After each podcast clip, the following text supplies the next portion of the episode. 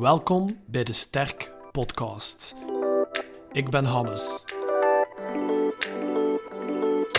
Dit is de podcast voor sportieve ondernemers die de sterkste versie van zichzelf willen worden. Vandaag ga ik in gesprek met Shane de Vrezen en hebben het over biomimicry en ondernemen. Shane is de oprichter en CEO van 3C Ventures. 3C helpt healthcare startups met focus op selfcare om te groeien. Dag Shane. Dag Hannes. Voor 3C Ventures had je het bedrijf Smilewise. Wat is de belangrijkste les dat je uit je vorige onderneming geleerd hebt?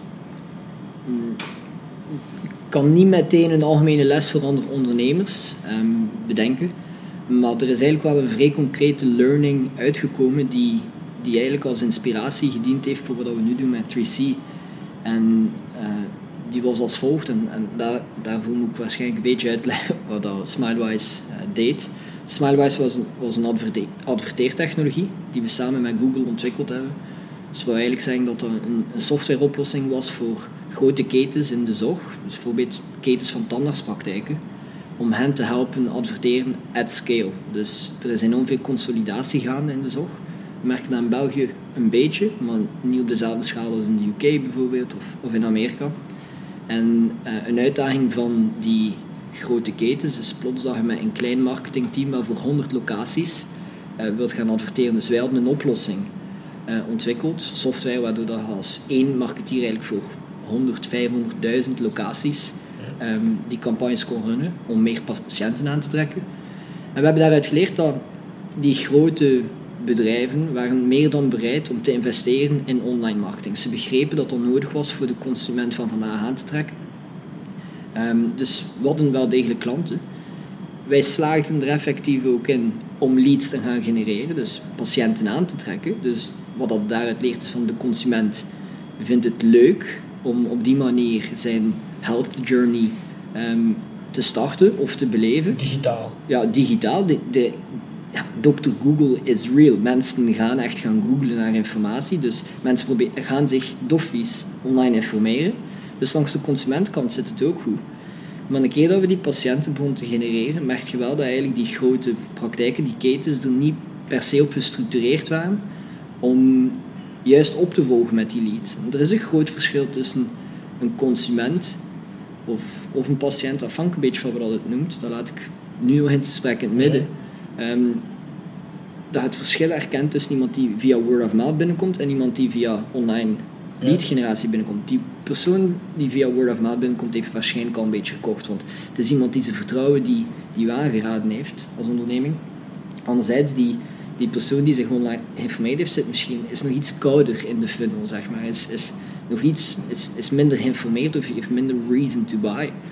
En daar merkten we dat het stroef verliep. Wij zaten patiënten te genereren, maar die tandartspraktijken, ja, die, die slaagden er niet in om, om um, op te volgen op de manier dat dat soort um, patiënt of, of consument of klant um, dat verwacht. Ga je echt Ze doen het nog op de oude manier. Ja, effectief. En dus de inspiratie, om terug te komen op uw vraag, de inspiratie die we eruit halen is van oké, okay, het is zeer duidelijk dat online marketingkanalen kunnen functioneren om, om zorgbedrijven, bedrijven in de zorg te doen groeien.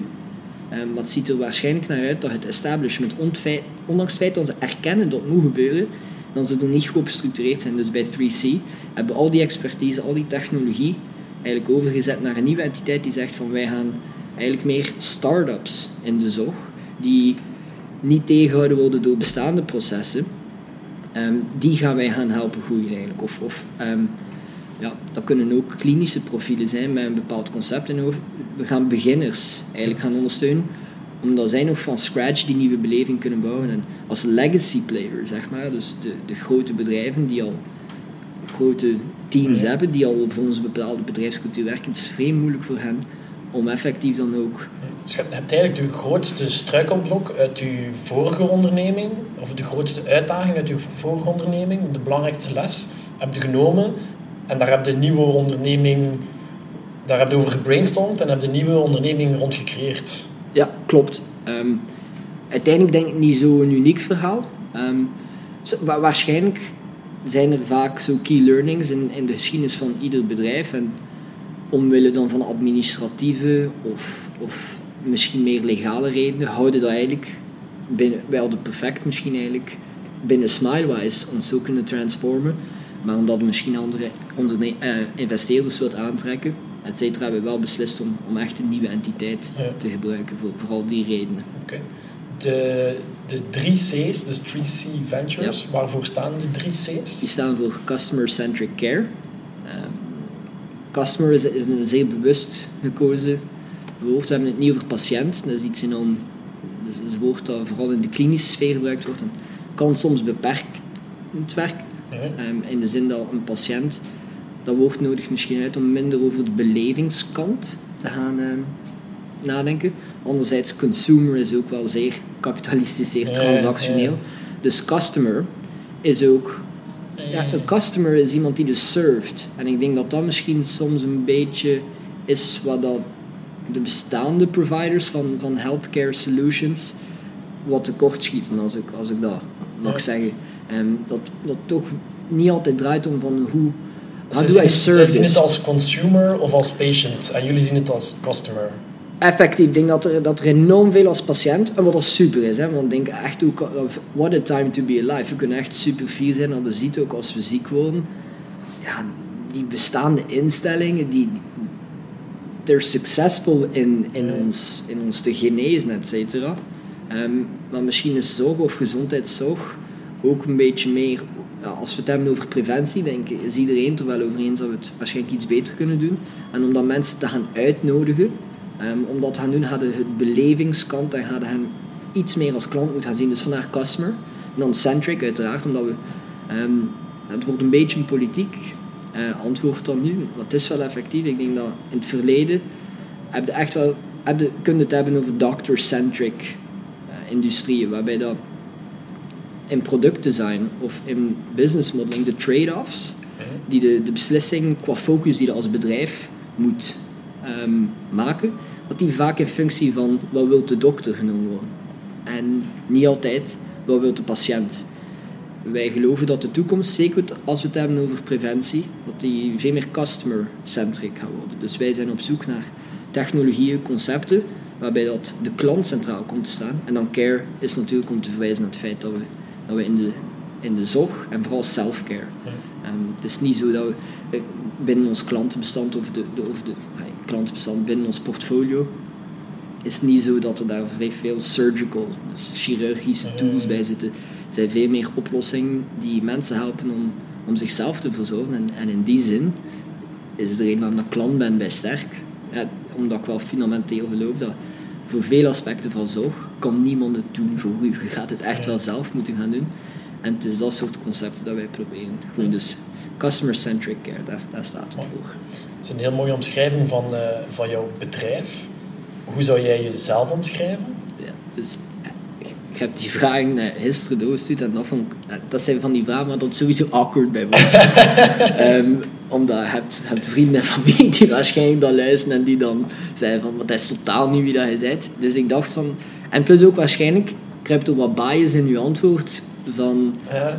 wie wilde zijn en wie, wilde zijn echt. Ik, ik was, ik was daar aan het denken, want Ja, wie wil... Ey, zeg, zeg je van wie, wie zijn het afgelopen, wie zijn de afgelopen periode geweest? Of zeg je wie wilde in de toekomst zijn? Kijk, en dus ik ga dat... Ik heb erover nadenken, ik heb een oplossing, denk ik, om, om zo weinig mogelijk arrogant en zo juist mogelijk te antwoorden. En eigenlijk is dat misschien door, mijn, door hoe dat ik mijn dagen vul te beschrijven. Omdat op die manier beantwoordde de vraag wel een beetje. Ja. En dan leer je wel van, oké, dat, dat is wie dat Shane is. Dus ehm, op weekdagen ehm, doe ik wel het liefst toe in de, in de voormiddag. Dat is echt wat ik meest voldoening uit haal. Dus ehm, nieuwe businessmodellen bedenken. Dus bijvoorbeeld, ik zal het hebben over Zink. Dat is een van de bedrijven in ons portfolio. Dat is een bedrijf die een antibacterieel plastiek heeft. Dat je eigenlijk in de nachtbeugel steekt, waardoor dat je orale bacteriën gaat gaan managen. Dat is een biomedische, biotechnologische inno- nou, biomedische innovatie.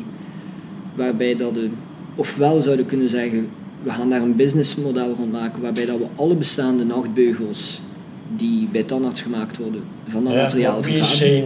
Ja, ja, het, nee, eh, ik zal, terug, zal terugkomen. Dus in de voormiddag ben ik bezig, denk ik, vrij commercieel en een businessmodel gaan uitdenken. Dus Ja. dat is een beetje strategisch denken. Dat is nadenken. Ja. Ik ben blij dat mij. Oké. Ik was echt aan de tangent. Ehm, nee, dus in die voormiddag ben ik bezig met hoe gaan dat positioneren, die klanten dus Strategisch, strategisch strategisch, maar zeer commercieel. Echt Ja. wel. Dus ik heb een commerciële achtergrond, ben een babbelaar. Ja, dus mooi. hoe een technologie? Dat ben daar oprecht gewoon door. Een strategische babbelaar. een strategie misschien. ik zou dat wel cool vinden, moest, ik, moest daarop neerkomen dat ik dat ben. Dus dat is de voormiddag. En dan de namiddag is, ehm, is dat dan wel onder de mensen gaan brengen. En dat is dan het verhaaltje dat ik die ochtend bedacht heb aan een investeerder Ja. ehm, gaan pitchen. Dat kan bijvoorbeeld, we hebben met Brecht Hanses in ons team echt een financieel genie. Dus ik vraag dan, oké Brecht, als we die een doelgroep zouden nemen met dit businessmodel, en dat is de manier dat we die klanten proberen aan te trekken, gaat hij dat dan gaan uitrekenen, daar inzichten over verzamelen. Dus dat is een beetje binnen ons, met ons team samenwerken. Als, als, ik het, als ik het samenvat, de Ja. voormiddag en de namiddag. Ja. Een strategische ondernemer. Ja, ja ik denk, denk in de voormiddag is het, ehm, is het, het denkwerk. Ja, dus de strategie en de Ja. tactiek uitwerken. Effectief, maar dan in de namiddag moet je echt niet opsluiten. Je moet Ja, het gaan dat, is dan het, dat is dan het ondernemende verhaal. Het- Effectief, dat moet. Dan, want daar draait het uiteindelijk om. Ik kan superleuke verhaaltjes. En ook gewoon omdat ik vrij snel wil weten wanneer dat ik fout ben. Dus in de voormiddag denkt je, wat als we het zo positioneren? En dan moet je dat echt gaan testen. Ondernemen is actie ondernemen. En als je geen actie onderneemt, kun je ook niet weten of dat werkt of dat niet Zeker werkt. weten, maar echt, ik wil dat zeer veel uitspreken. Van, En in, het- in het weekend? Eh, in weekend- ja, wel effectief. Dat is waarschijnlijk wat, dat wat dat meest kritiek gaat krijgen van, van naasten. En dat zal eh, in het afgelopen jaar zeker wel veranderd zijn, zoals bij velen onder ons. Maar eh, ja, eten moet wel echt op de eerste plaats komen daar. Dus ik kook enorm graag. Ja. Eh, ik ga ook graag gaan, gaan eten. Ja. Ehm, dus ik ben daar echt wel mee bezig. Ik ga daar ook vrij, vrij ver en diep in. Ehm, mijn zus het obsessief kunnen noemen. Ik vind het vrij gepassioneerd. Dus eten zit, speelt daar zeker een rol in. Ehm, en toch wel, ja, de afgelopen twee jaar toch veel meer beginnen sporten. Dus ehm, dat wil doen. En dan lezen. Hè. Super graag lezen. Vooral Een, een non-fiction. actieve. Ehm, o- ook dat is ook wel een... Daar kan ik wel mee leven eigenlijk, ja. Ja, heb jij een mentor? ja zeker weten. Mm, ja, in de traditionele zin... waarschijnlijk op drie man als we mentor zien als zo'n woord van... ey, dat beschrijft van... Ja, derden wat dat de vrij... Wat dat ervan leert, dan sowieso op de eerste plaats mijn vader. Ongetwijfeld. Ehm, ik heb daar... Waarschijnlijk als ik moet beschrijven hoe dat die samenwerking was, dat is niet zo van sit down son and now I'll teach you about life and business. Maar vrij als apprenticeship. En, en in Japan geloof ik dat veel eh, chefs eigenlijk zo leren. De chef en, en de, de leerjongen, die communiceren enorm weinig. Ehm, maar de chef gaat die persoon aan veel blootstaan. Dus lang verhaal kort, mijn vader is voor 100% eh, mijn mentor. Vooral omdat hij mij op vrij jonge leeftijd vrij veel vrijheid heeft en aan vrij veel zaken heeft blootgesteld. En ook de kans gegeven om, om te falen. Dus in die zin is, ja, is hij onmiskenbaar mijn mentor. En zijn het ook in, is het in die periode dat ik het meest gevormd ben over hoe dat ik kijk naar zaken doen, for lack of a better word. Ehm, nu moet ik wel zeggen dat ik de afgelopen ehm, jaren dat, dat ik enorm veel geniet van kansen om eh vragen te stellen aan bedrijven die in een enorm ge- vergelijkbare fase zitten, maar iets verder. Zo is er ehm, een bedrijf dat Amber Labs noemt, die ook in de self-care zit, maar die zitten twee, drie jaar verder. En dus aan die CEO, aan, aan, aan Liz, kunnen vragen ja, maar wat betalen jullie eigenlijk voor een digitale marketeer? Wat zoeken jullie eigenlijk in, in een agency, et cetera? Vrij concrete vragen. Daar heb ik zeker aan. Dat is eigenlijk iets dat we binnen Hans 3C iedereen aansporen om te doen, is zorg dat je gewoon iemand in een vergelijkbare functie als u bij andere bedrijven hebt, om snel een keer vrij praktische Dus vragen je te hebt stellen. eigenlijk hebt een, eh, een mentor die u een basis gelegd heeft, Ja. zijn uw vader. Maar dan gaat u ook wel continu op zoek, niet per se naar mentoren, maar wel mensen waar dat je snel dingen van kunt leren. Ja, effectief, die, die ook een, een vrij relevant netwerk hebben. Ehm, Hmm. Effectief, ja, dat is, dat, is, dat is echt wel hoe dat we Ja. het aanpakken. Oké. Eh, wat is jouw missie als ondernemer? Die is, die is, kan ik gewoon niet loskoppelen van, van de missie van 3C. En als we, het een, als we het een beetje filosofisch aanpakken, is, mag van mij 3C gerust afgerekend worden op, op het feit of dat wij de kans op slagen van een klinische innovatie ehm, vergroten. Dus, Want ik merk gewoon, zeker in Vlaanderen, we kunnen daar oprecht fier op zijn wat er hier allemaal gebeurt qua biotechnologie en biomedische innovaties. Maar dan om dat van een, een universiteit echt in de markt te zetten en te zorgen dat er zoveel mogelijk positieve impact heeft op mensenlevens, die brug willen wij zijn. Dus het is mijn missie als ondernemer en het is de missie van 3C om al die geniale dingen die uitgevonden worden, dat die dusdanig in de markt gezet worden dat die een zo groot mogelijk positieve impact hebben. En ik meen dat, dat klinkt enorm... Maar ik, voel, ik voel dat, meen ja, Nee, maar het is zo. Het is, mooi. Ehm, als een ondernemer wil innoveren in de gezondheidssector, wat zijn volgens jou dan de belangrijkste voorwaarden?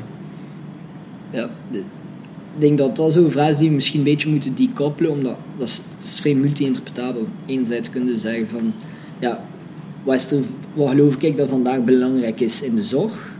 Of wat is, wat is er belangrijk aan, aan ondernemerschap? En misschien dat de tweede vraag, ik denk wel echt dat je dat we zeer bewust moet bezig zijn met financiering als, als een strategische tool, omdat qua concurrentie, uw concurrentie, concurrenten zijn niet altijd de bedrijven die op u lijken langs de outside. Uw concurrenten zijn ook de bedrijven die voor dezelfde doelgroep aan het, aan het vechten zijn. Het punt dat ik, dat daar vooral wil maken is, er is dankzij het internet, er is dankzij innovatie op het gebied van financiering. Vroeger was geld ophalen, dat is echt een banklening heel erg vaak. Terwijl nu heb je fantastische crowdfunding opties, eh, durfkapitalisme die, die echt wel grote vormen aanneemt. Uh, dus zouden eigenlijk, als je wilt ondernemen in de zorg, maar ik denk dat dat eigenlijk wel voor, voor start-ups in het algemeen, ja, denk vrij goed na, of stel je vaak nu af hoe fundable, hoe aantrekkelijk is mijn businessmodel voor, voor derden om erin te investeren. Bij wie kan ik langs gaan om hier geld voor op te halen? Want de realiteit is, je gaat super vaak fout zijn. Enorm vaak. Als je de toekomst zodanig goed kunt voorspellen, dat je altijd juist zit, dan moet je niet ondernemen, dan moet je echt iets anders doen. Dan denk ik dat er slimmere lifepaths zijn. Mhm. Dus je gaat super vaak fout zijn.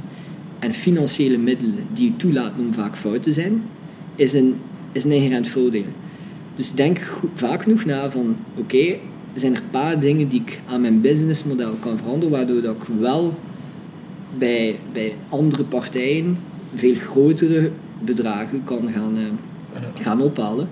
Want weet, er zijn bedrijven dat zo aan het aanpakken. En jij concurreert met hen. Dus besef dan plots, oké, die hebben veel meer middelen, die kunnen vaak fouter zijn, kunnen meer personeel aannemen, die kunnen strategieën die het budget om op tv te adverteren, dus niet voor iedereen weggelegd.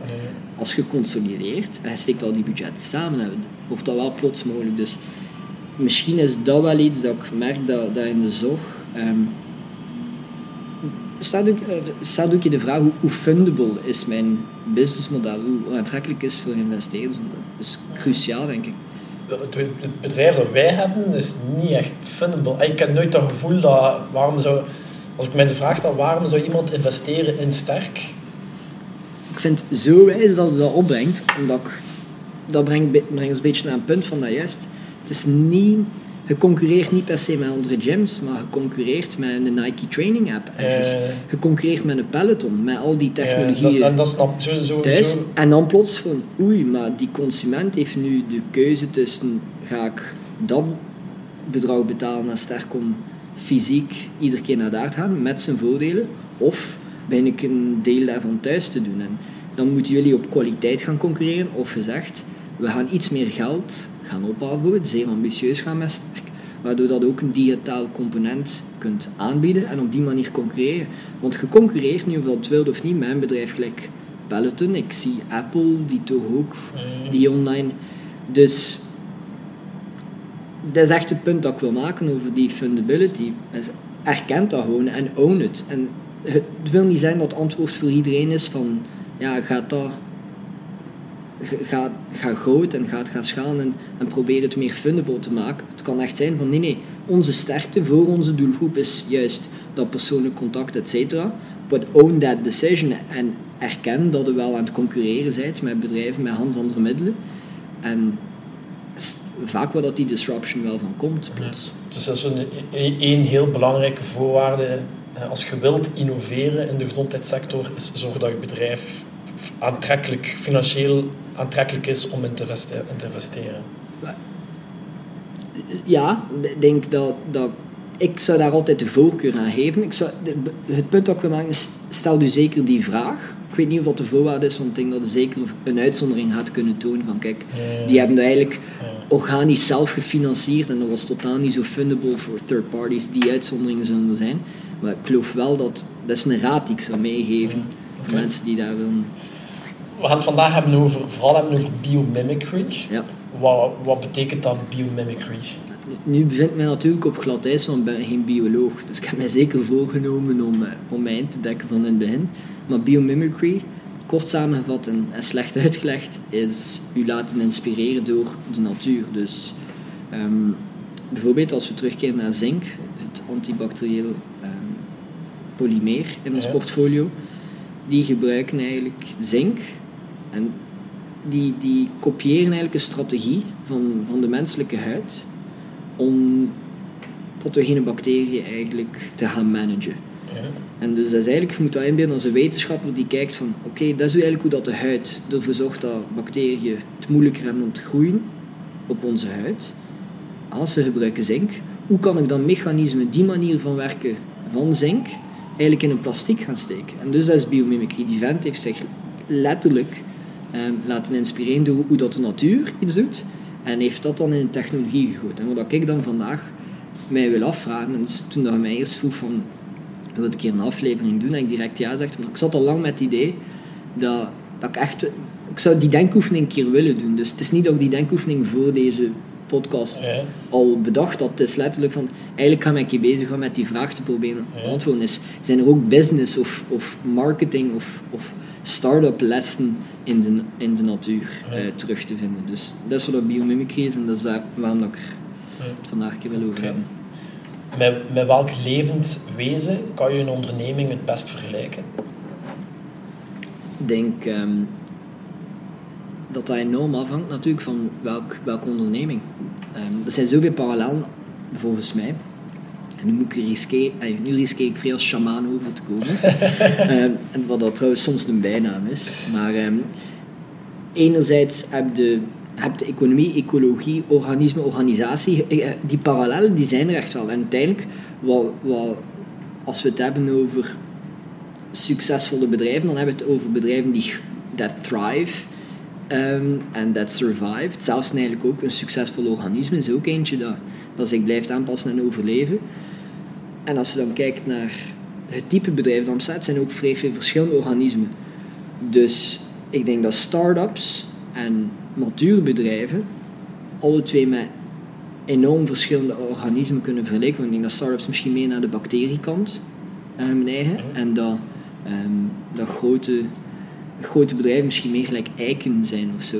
Grote bomen. Want dat, dat is ook denk ik biologisch, voor hetgeen dat ik ervan begrijp. Ook, um, dat zijn gewoon ja, evolutionair gezien meer mature levensvormen. Um, wat een groot bedrijf is, gestart geen groot bedrijf. Gestart een start-up die een groot bedrijf wordt. Ja, uit dus, een bacterie kan op heel lange termijn een boom ontstaan. Als je lang genoeg wacht, effectief. Ja, dat is het. Denk, is dat niet een beetje, voor hetgeen dat ik begrepen heb, is dat bacteriën van de eerste levensvorm waren, die complex life hadden lang genoeg wacht.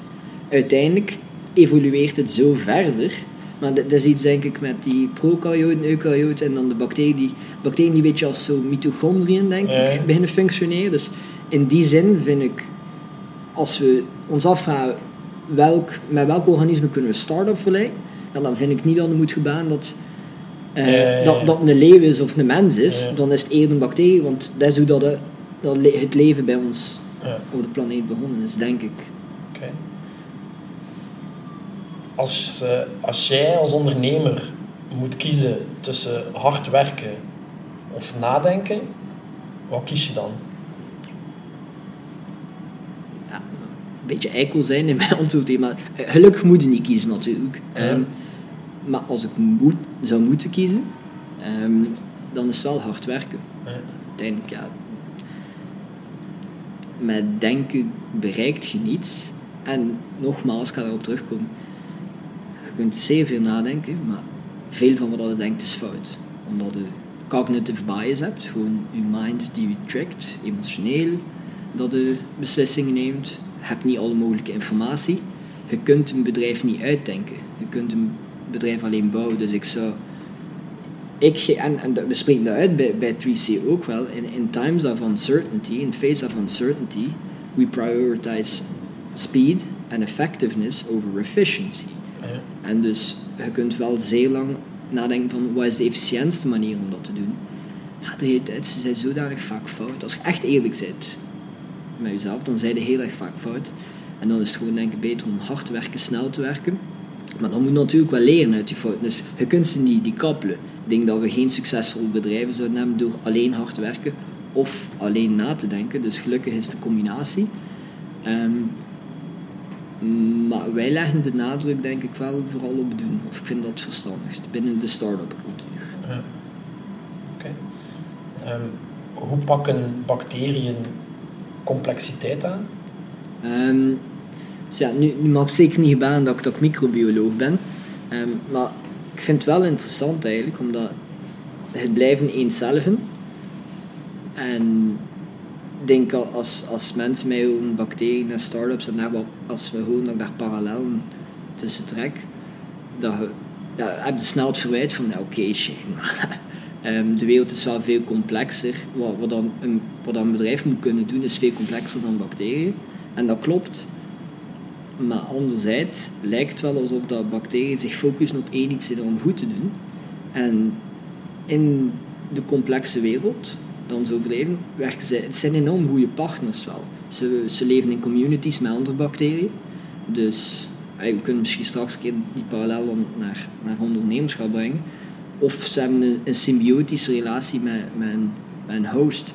Dus ondanks het feit dat ze eigenlijk zelf niet zoveel functies hebben binnen hun eigen cellen, dat ze niet zoveel kunnen, is het wel zo dat ze grote dingen kunnen achieven door goed samen te werken met andere bacteriën en, hun symbiotic host. Dus zij pakken complexiteit aan niet door alles zelf proberen te doen en, en alles in huis te brengen, maar door in een ecosysteem te leven en, en met partners te gaan werken. Ja. En ik vind dat wel interessant voor start-ups, want dat laat u toe om lean te blijven. Dat laat u toe om, ja, hoe simpeler uw cel, ja, de reden waarom dat ze, ja, het duurt gemiddeld 25 jaar voor een mens om zich voor te planten, dus een nieuwe genetische generatie te lanceren, en 20 minuten bij een bacterie. Dus naar u snel aanpassen aan een changing environment heb je inherent veel meer kans als bacterie om te thriven. En ik denk dat dat, dat wel, dat, dat zal waarschijnlijk een van de first principles zijn die ik, die ik enorm interessant vind voor ondernemers. Is, stel een keer de vraag, zijn er een paar zaken die ik misschien moet vragen aan een third party, waardoor dat ik mij meer kan focussen op what truly matters, omdat ik dan meer nimble blijf, ik kan mij sneller kunnen aanpassen. nimble? Nimble is, is dynamisch en, en u snel kunnen aanpassen. Aan- ja, ja, Want- aanpassingsvermogen of... Ja, dus je kunt bijvoorbeeld boekhouding, is dat iets dat je intern doet of dat je extern doet. De moment dat die boekhouder bij u op de payroll komt, maakt uw bedrijf dat loger. Je hebt meer overheads, je moet die persoon managen. Terwijl als je dat uitbesteedt, laat je jou wel toe om te focussen ehm, op, wat, ey, op wat dat er echt wel toe doet. Dus in de fast-changing world, gelijk vandaag, is je snel kunnen aanpassen wel enorm eh, belangrijk. En dat is ergens wel, ja, denk ik, een les voor ondernemers. Ja. Of, of, te- of een les, het is te zijn, een vraag die je kunt stellen is van, ehm, ben ik misschien niet te veel dingen aan het doen die er niet echt toe doen, die ik makkelijk aan een partner zou kunnen vragen, Ja. zodat ik wel veel, een veel dynamischer ehm, bedrijf ben. meer in de breedte, denkt, meer in de breedte denkt, denken dan meer horizontaal denken dan verticaal denken? Of? Want als je verticaal werkt, dan zet iemand onder u en een boekhouder onder u en daar nog iemand onder. En terwijl in de breedte heb je mensen die, die naast u staan en die niet per se afhankelijk zijn van u. Ja,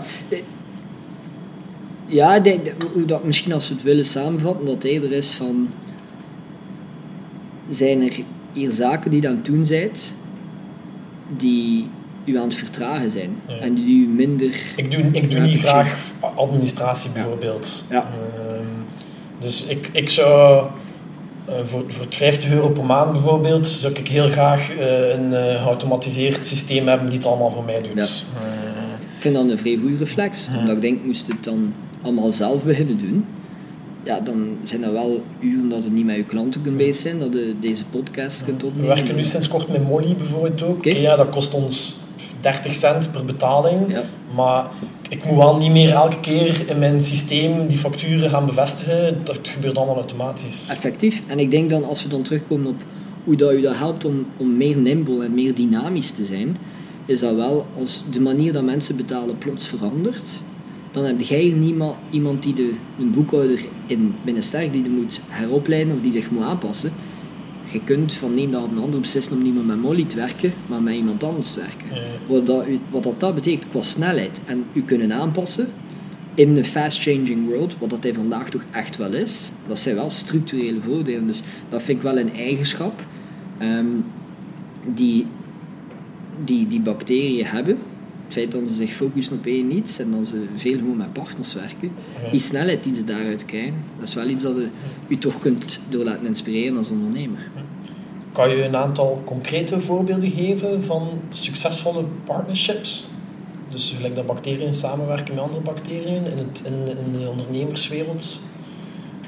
Ja, ehm, dus ja, wederom microbiologisch ga ik niet gedaan dat ik hier zeg die bacterie werkt met die samen, maar ehm, een,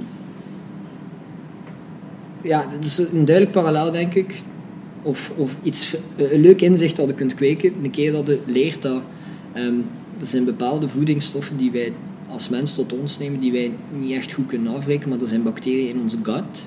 Ik weet eigenlijk niet hoe dat dat zegt in, in het In Nederlands. je, eh, in je darmen, ja. Ja. Ehm, die dat wel kunnen. Ze zijn dan een fantastische partnership, want die bacteriën ja, hebben niet de, de mogelijkheid, eh, zoals ons, om, om toegang te krijgen tot die voedingsstoffen. Ja. Maar wij kunnen ze niet afbreken. Dus samen maken ze iets onmogelijk mogelijk. Wij kunnen plots het voedingsstof wel tot ons nemen, omdat zij het afbreken.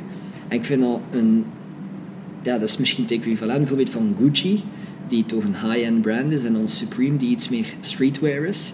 En Gucci wil populairder worden bij jonge mensen, maar dat is moeilijk voor hun brand. En Supreme wil, een ho- wil groeien door een, een meer wealthy cliënteel aanspreken. Samen, eh, apart konden ze die doelgroep niet aanspreken, maar door bijvoorbeeld een keer een, een, een lijn Een of een, collectie, een collab te doen, plots wordt die een doelgroep die ze alle twee apart niet konden ehm, bereiken, wordt die plots wel mogelijk. Dat doet mij daar een beetje aan denken eigenlijk. Wat is er essentieel voor een big time scale? Ehm, dus, dus een bedrijf die. Wat zijn de, de voorwaarden voor dat wat moet goed zitten voor Ja, als, je, als, je, als, je, als je een start-up bent of een scale-up bent en je wilt gewoon op korte tijd snel groeien en veel stappen Ja. vooruit zetten, wat is er dan essentieel? Ja, dus ik ga zeker niet gebaren dat ik, dat ik zelf tot deze inzicht gekomen ben. Dat is een fantastisch boek van Reid Hoffman dat Blitzscaling heet.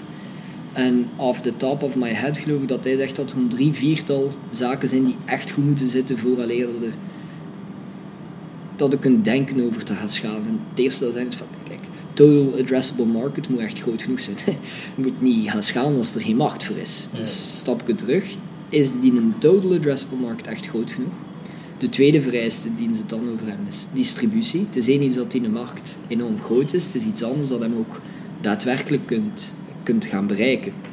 Dus ehm, is, is er binnen uw businessmodel of binnen uw bedrijf, binnen uw markt, een mogelijkheid om die mensen efficiënt te gaan bereiken? Derde dan is product market fit. Dat is ook dat is zeer obvious, maar ja, is uw product echt wat de mensen in die een big total addressable market, wat dan ze willen? Zijde zeker dat, je, dat er echt een goede fit is. is zit er boomkop, uw product? En dan het vierde is hoge marges. Ik neem aan dat ze het daar vooral over hebben, omdat je eigenlijk, ehm, gaat, als je gaat gaan schalen, gaat enorm vaak fout zijn. Wederom, dat blijft eigenlijk altijd misschien over fout zijn in ondernemerschap moeten gaan vandaag. Ja. Maar als je schaalt, zijn er veel zaken die nieuw zijn. Ehm, je gaat ook behoorlijk gaat foute mensen aannemen die de markt, die, die, die, die kloppend zijn. Ehm, gaat misschien met een nieuwe leverancier moeten werken omdat het van fabriek verandert, omdat het veel schaalbaar wordt. Dus al die onzekerheden gaan met inefficiencies en met problemen uh, met zich meebrengen. Dus zorg dat je hoog genoeg marges hebt in je model om dat eigenlijk toch een beetje op te vangen uh, als buffer. Kunnen we die link leggen van, van die hoge marges naar bacteriën? Ik kan u beloven dat ik dan een keer ga opzoeken en dat als ik een antwoord heb, dat, dat ik het laat weten. Maar zijn bacteriën niet, niet heel efficiënt? Met heel weinig voeding kunnen ze grote afstanden afleggen? Of, of, Ze, zijn, ze zijn enorm lean. Sowieso, ze, hebben weinig, ze hebben weinig nodig om ergens te kunnen thriven. Dus dat is ook iets als start-up. Maar misschien is dat ook het verschil tussen... Zijn, zijn bacteriën een goede inspiratiebron voor start-ups, maar misschien niet bepaald voor scale-ups. Want eigenlijk maken we nu wel een onderscheid tussen wat is er nodig om te gaan scalen. En ik denk dat we misschien als, als, als scale-up kunnen moeten een ander organisme Maar die vraag heb ik mij nog niet afgevraagd. Dus een bacteriën is vooral een, een, eh, als we over biomimicry spreken en wat kunnen we leren uit de natuur, dan is een, eh, een bacterium vooral heel interessant voor, om de vergelijking met startups te maken. Maar bij scale-up, ja. misschien een keer denken wat... wat ik, ga, het, ik overval je misschien een ja, beetje, maar overval mij. Want ik vind, ik vind het vreewijze. Misschien, ik, ik heb mij wel de bedenking al gemaakt, denk ik, voor zo grote bedrijven. Uh, er is daar een fantastisch boek over de Acorn Method. En dat gaat eigenlijk over... Dat gaat dus acorn, dus eikels van, van eiken. En um, dat daar echt een goede parallel is voor, um, voor grote bedrijven die zichzelf moeten heruitvinden. En daar zien ze eigenlijk de, de, de eikel als... Um, ja, als een vat vol DNA. Het is, het is, niet de eik, maar de eikel. Ja, en dus, dus het Hanse punt daar denk ik is dat je misschien als groot bedrijf ook minder bezig bent met bomen, de volgende boom te maken, omdat je misschien meer moet denken in functie van bos, et cetera. Ik het enorm slecht uit, dat is zeker. Um, maar, maar, de vraag was van de scale-up, welke organismen, off the top of my head, kan ik niet, niet bedenken, want het is wel een vreemd stand om mee te nemen. Oké, okay, komen we op terug. Um, we hebben het al een beetje over gehad, maar is, is het beter om als onderneming een, eh, een generalist te zijn of om een specialist te zijn? Ik vind dat gesprek vrij goed aan het flowen is eigenlijk gewoon omdat effectief. We maken nu net het verschil tussen start-up, scale-up. Ik denk eigenlijk op die vraag, is beter om generalist of specialist te zijn, dat we weer dat onderscheid moeten kunnen maken. En in mijn bescheiden ervaring, anders. Um, als start-up wilde wel veel generalisten, omdat je weet eigenlijk niet goed wie is mijn markt, wat is mijn product. Het is nog zoveel zoeken. En dan zijn generalisten wel enorm um, handige mensen om vooruitgang te gaan boeken. Ja. Als blijkt dat als SaaS-bedrijf, dus als software as a service bedrijf, dat je legaal indekken belangrijk is voor je markt, dat er misschien iemand hebt die, ja, die generalist genoeg is om, om een, een advocatenkantoor bijvoorbeeld een keer aan te sturen, maar als dan zes maanden erachter blijkt dat toch customer service veel belangrijk is, dat eigenlijk diezelfde persoon dan het customer service goed. Dus in een start-up zou ik, neig ik wel om naar generalisten te gaan. In een scale-up, omdat het dan echt wel gaat om getting it right. En um, omdat het ook allemaal rap moet gaan. Um, en omdat er geen, ja, er is geen tijd denk ik, voor die leercurve, dat het dan wel meer geneigd bent naar specialisten um, te hiren. Omdat je hebt waarschijnlijk ook de budget als scale-up. En je, hebt, ja, je kunt het risico niet lopen van, ah ja, en nu ga ik u wat tijd geven om daar goed in te worden. Op een bepaald moment wordt het wel belangrijk om die specialist te hebben. Dus ik denk dat dat iets is dat ik constant wil revisen. Maar ik zou, een start-up zou ik op zoek gaan naar een generalist, omdat die polyvalenter zijn. En de keer dat ik een beetje goed weet van, kijk, dat is ons model en dat moeten onze sterktes zijn, ja, dan wil de sterke mensen. Ja. En dat, dat heet dan specialist, denk ik. Oké. Ehm, bacteriën organiseren zich volgens het concept quorum sensing. Ja. Wat betekent quorum sensing? Quorum sensing, dus wederom kort samengevat, slecht uitgelegd, is, um, is een, een strategie of een mechanisme van bacteriën waarbij dan ze eigenlijk, als ze in een community van verschillende bacteriospecies samenleven, dan ze gaan tellen uh, met hoeveel dan ze zijn. Maar afhankelijk met hoeveel dan ze zijn en in welke verhouding dan ze aanwezig zijn, gaan ze zich eigenlijk anders gaan gedragen. En wat ik daar zo fascineert daarin, is dat dat wel toont dat zij... een beetje zo... Dat is zo data-gedreven werken eigenlijk, is... Als we met zoveel in die verhouding zijn, dus ze zetten duidelijk quantified thresholds, dan gaan we ons zo gedragen. Dus je hebt eigenlijk... Er zitten geen leiders binnen die soort bacteriën en, en er is ook niemand die ze allemaal doet samenwerken, die verschillende soorten. Dus volledig gedecentraliseerd. Ja. En toch werken ze samen zonder eigenlijk vrij veel discussie door. Gewoon zeggen, kijk, als we dat punt bereiken, werken we zo. En als we dat punt bereiken, werken we zo. Ik vind dat iets ongelooflijk fascinerend. Ja. Want dat geeft u de voordelen van decentralisatie toe. Dus geen bottlenecks qua leiderschap. En toch alineerde iedereen. Ze, eigenlijk doen ze maar iets en toch, toch op, ze bereiken een bepaald punt en doordat ze dat punt bereiken komen ze op dezelfde lijn te staan en doen ze weer iets anders en, komen ze, ah, gaan ze, en Ja. zo zetten ze stappen vooruit. Of, Bingo, de- als alignment strategie is het fantastisch. Dus like, dat is echt iedereen op dezelfde de, de lijn zetten plots.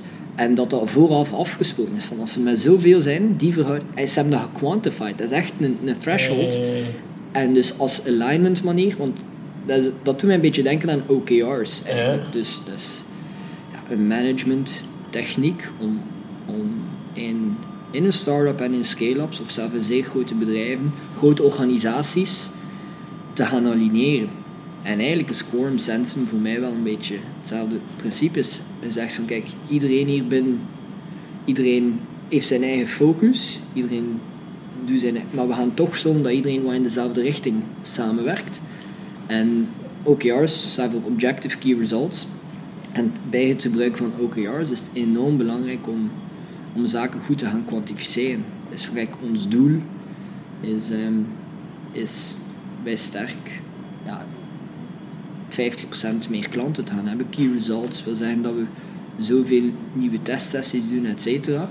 Ehm, als je de meerdere als je die key results goed quantified, dan wordt het wel vrij makkelijk, denk ik, voor u en Olly om te reviewen van ja.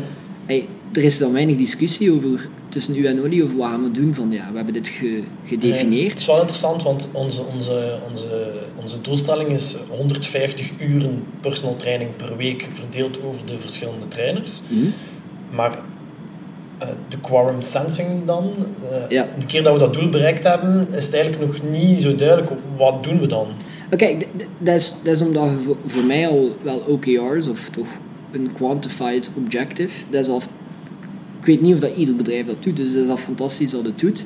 En denk het risico is dat als je dat niet uitspreekt, is dat Oli eigenlijk vindt, ja maar nee, ons doel dit jaar was toch een tweede zaal erbij nemen, Ja. en, of meer trainers hebben. Dat je zegt, maar nee, het is toch veel meer de bestaande trainers gaan vullen.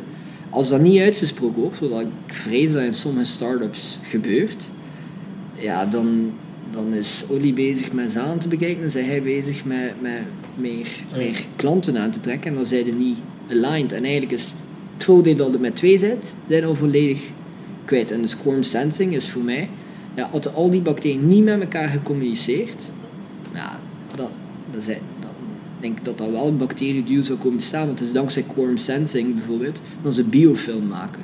Een beetje uw, uw, uw aantal in uw voordeel gebruiken. Ja, effectief. Dus, dus met veel zijn is echt fantastisch.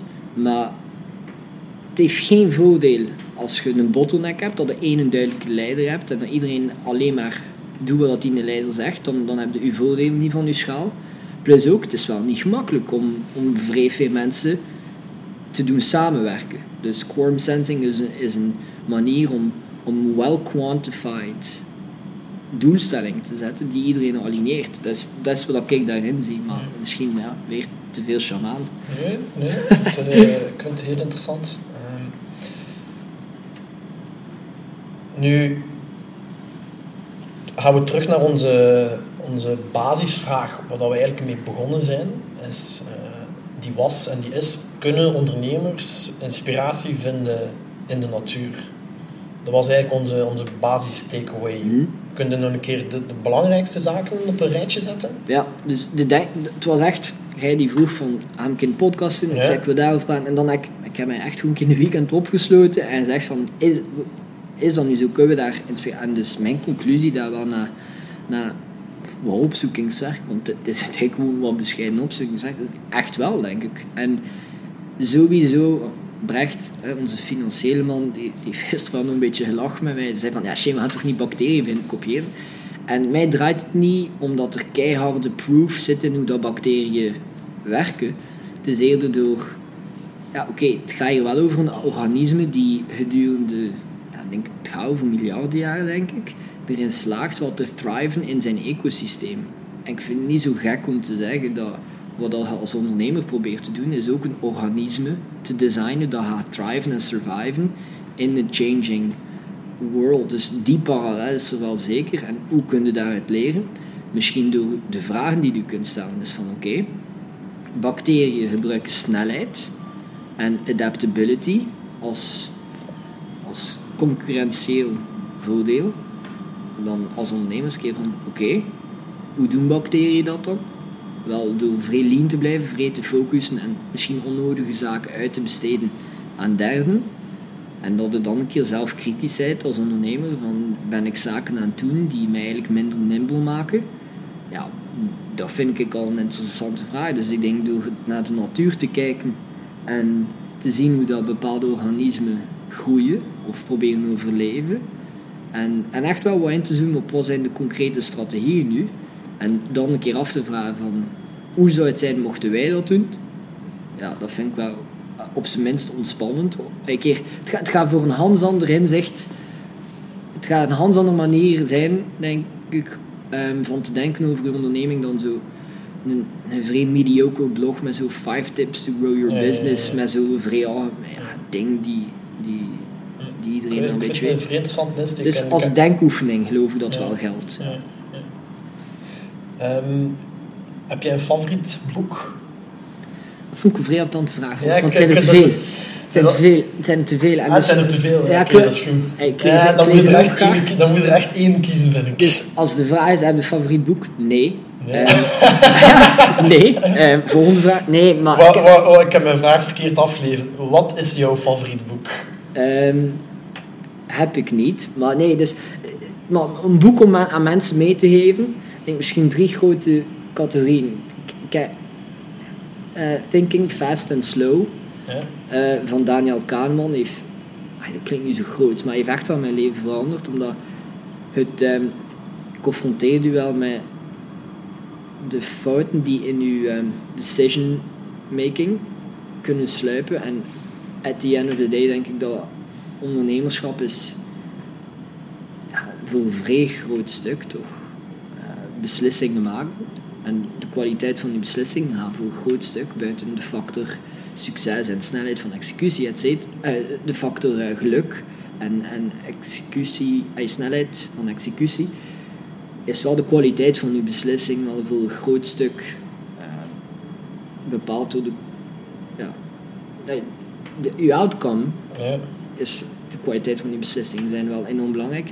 En als je dan in Thinking Fast and Slow leest hoe vaak dat je eigenlijk bias in je gedachten hebt, hoe dat we evolutionair eigenlijk zo goed zijn dat er foutjes in sluipen, dat we Wat is, wat is bias? Zijn dat belemmerende overtuigingen of, of vooroordelen? Of...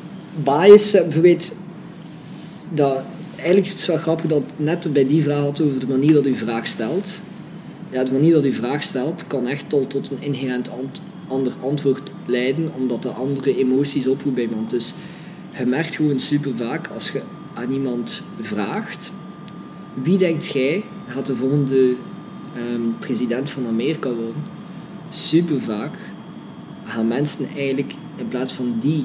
De bedenking die je moet maken als je die vraag krijgt, is eigenlijk op wie denkt je dat de meeste Amerikanen gaan stemmen? Ja, ja, ja. En heel veel mensen gaan antwoorden degene die zij eigenlijk willen, of die ze denken die het populairst is. Dus ons, ons brein is eigenlijk dusdanig geëvolueerd dat misschien niet altijd de meest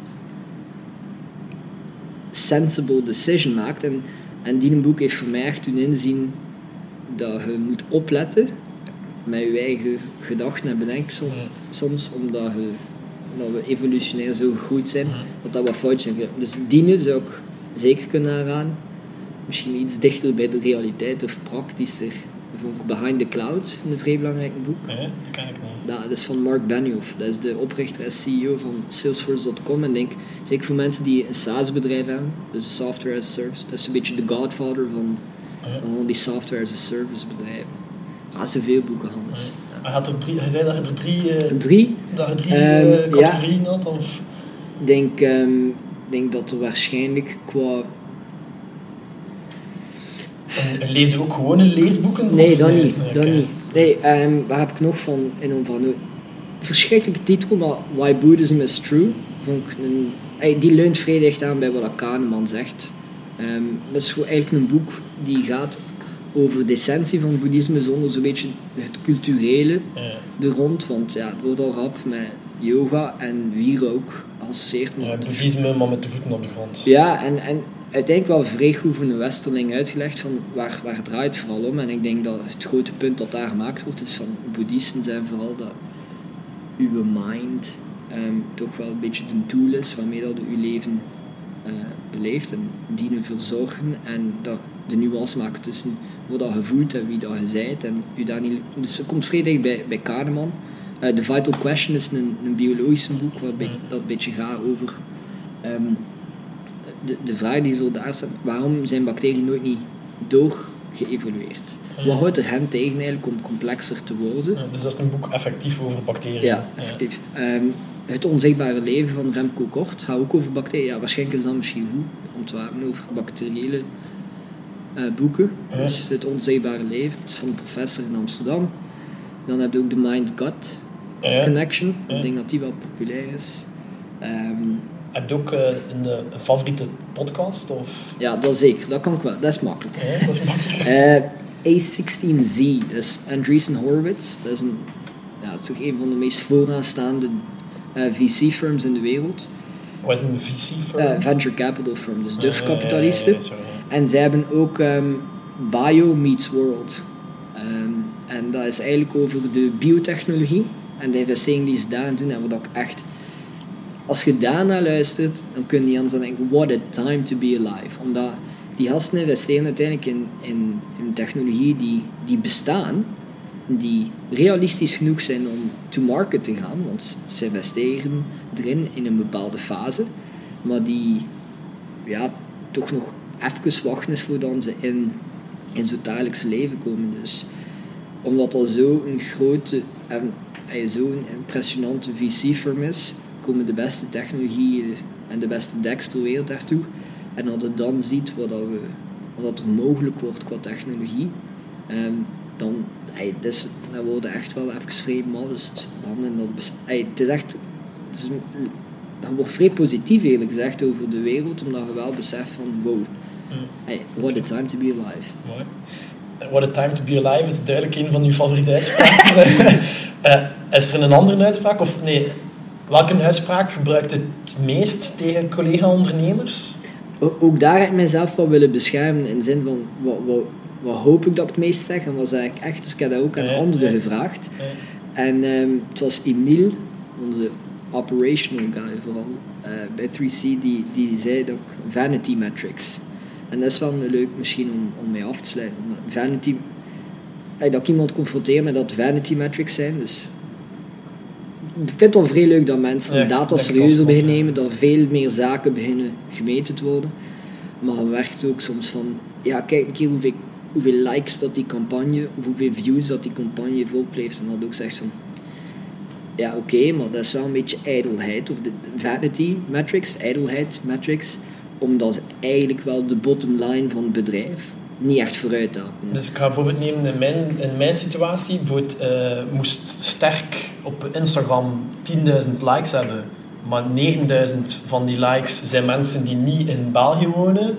Eh, terwijl dat onze, onze studio in Gent ligt en mensen naar onze studio komen, dan is dat... Ja, dan zou ik u, I would call you out. Dat zijn van, Hans, dat zijn vanity metrics. Ja. Zeker, dus de ene zijn vanity metric, kan wel voor de andere een vrij relevante. Ik zeg niet dat views bijvoorbeeld niet, niet relevant zijn, maar het hangt af van onze doelstelling. Als uw doelstelling is global awareness creëren voor sterk, dan was wat dat bijvoorbeeld, Ja. bij vrij goed voor, ey, uw voorbeeld, dan was dat fantastisch nieuws. Is uw doel ehm, ja, binnen zoveel mogelijk Gentenaars in onze studio krijgen. ja, dan zou ik zeggen van, goh, leuk dat er 10.000 zijn, maar dat is, dat is wel een beetje een vanity metric. Dus. Mooi. Ehm, We, gaan, eh, we gaan daarbij afsluiten. super. Dank u wel. Dank u wel, Hans.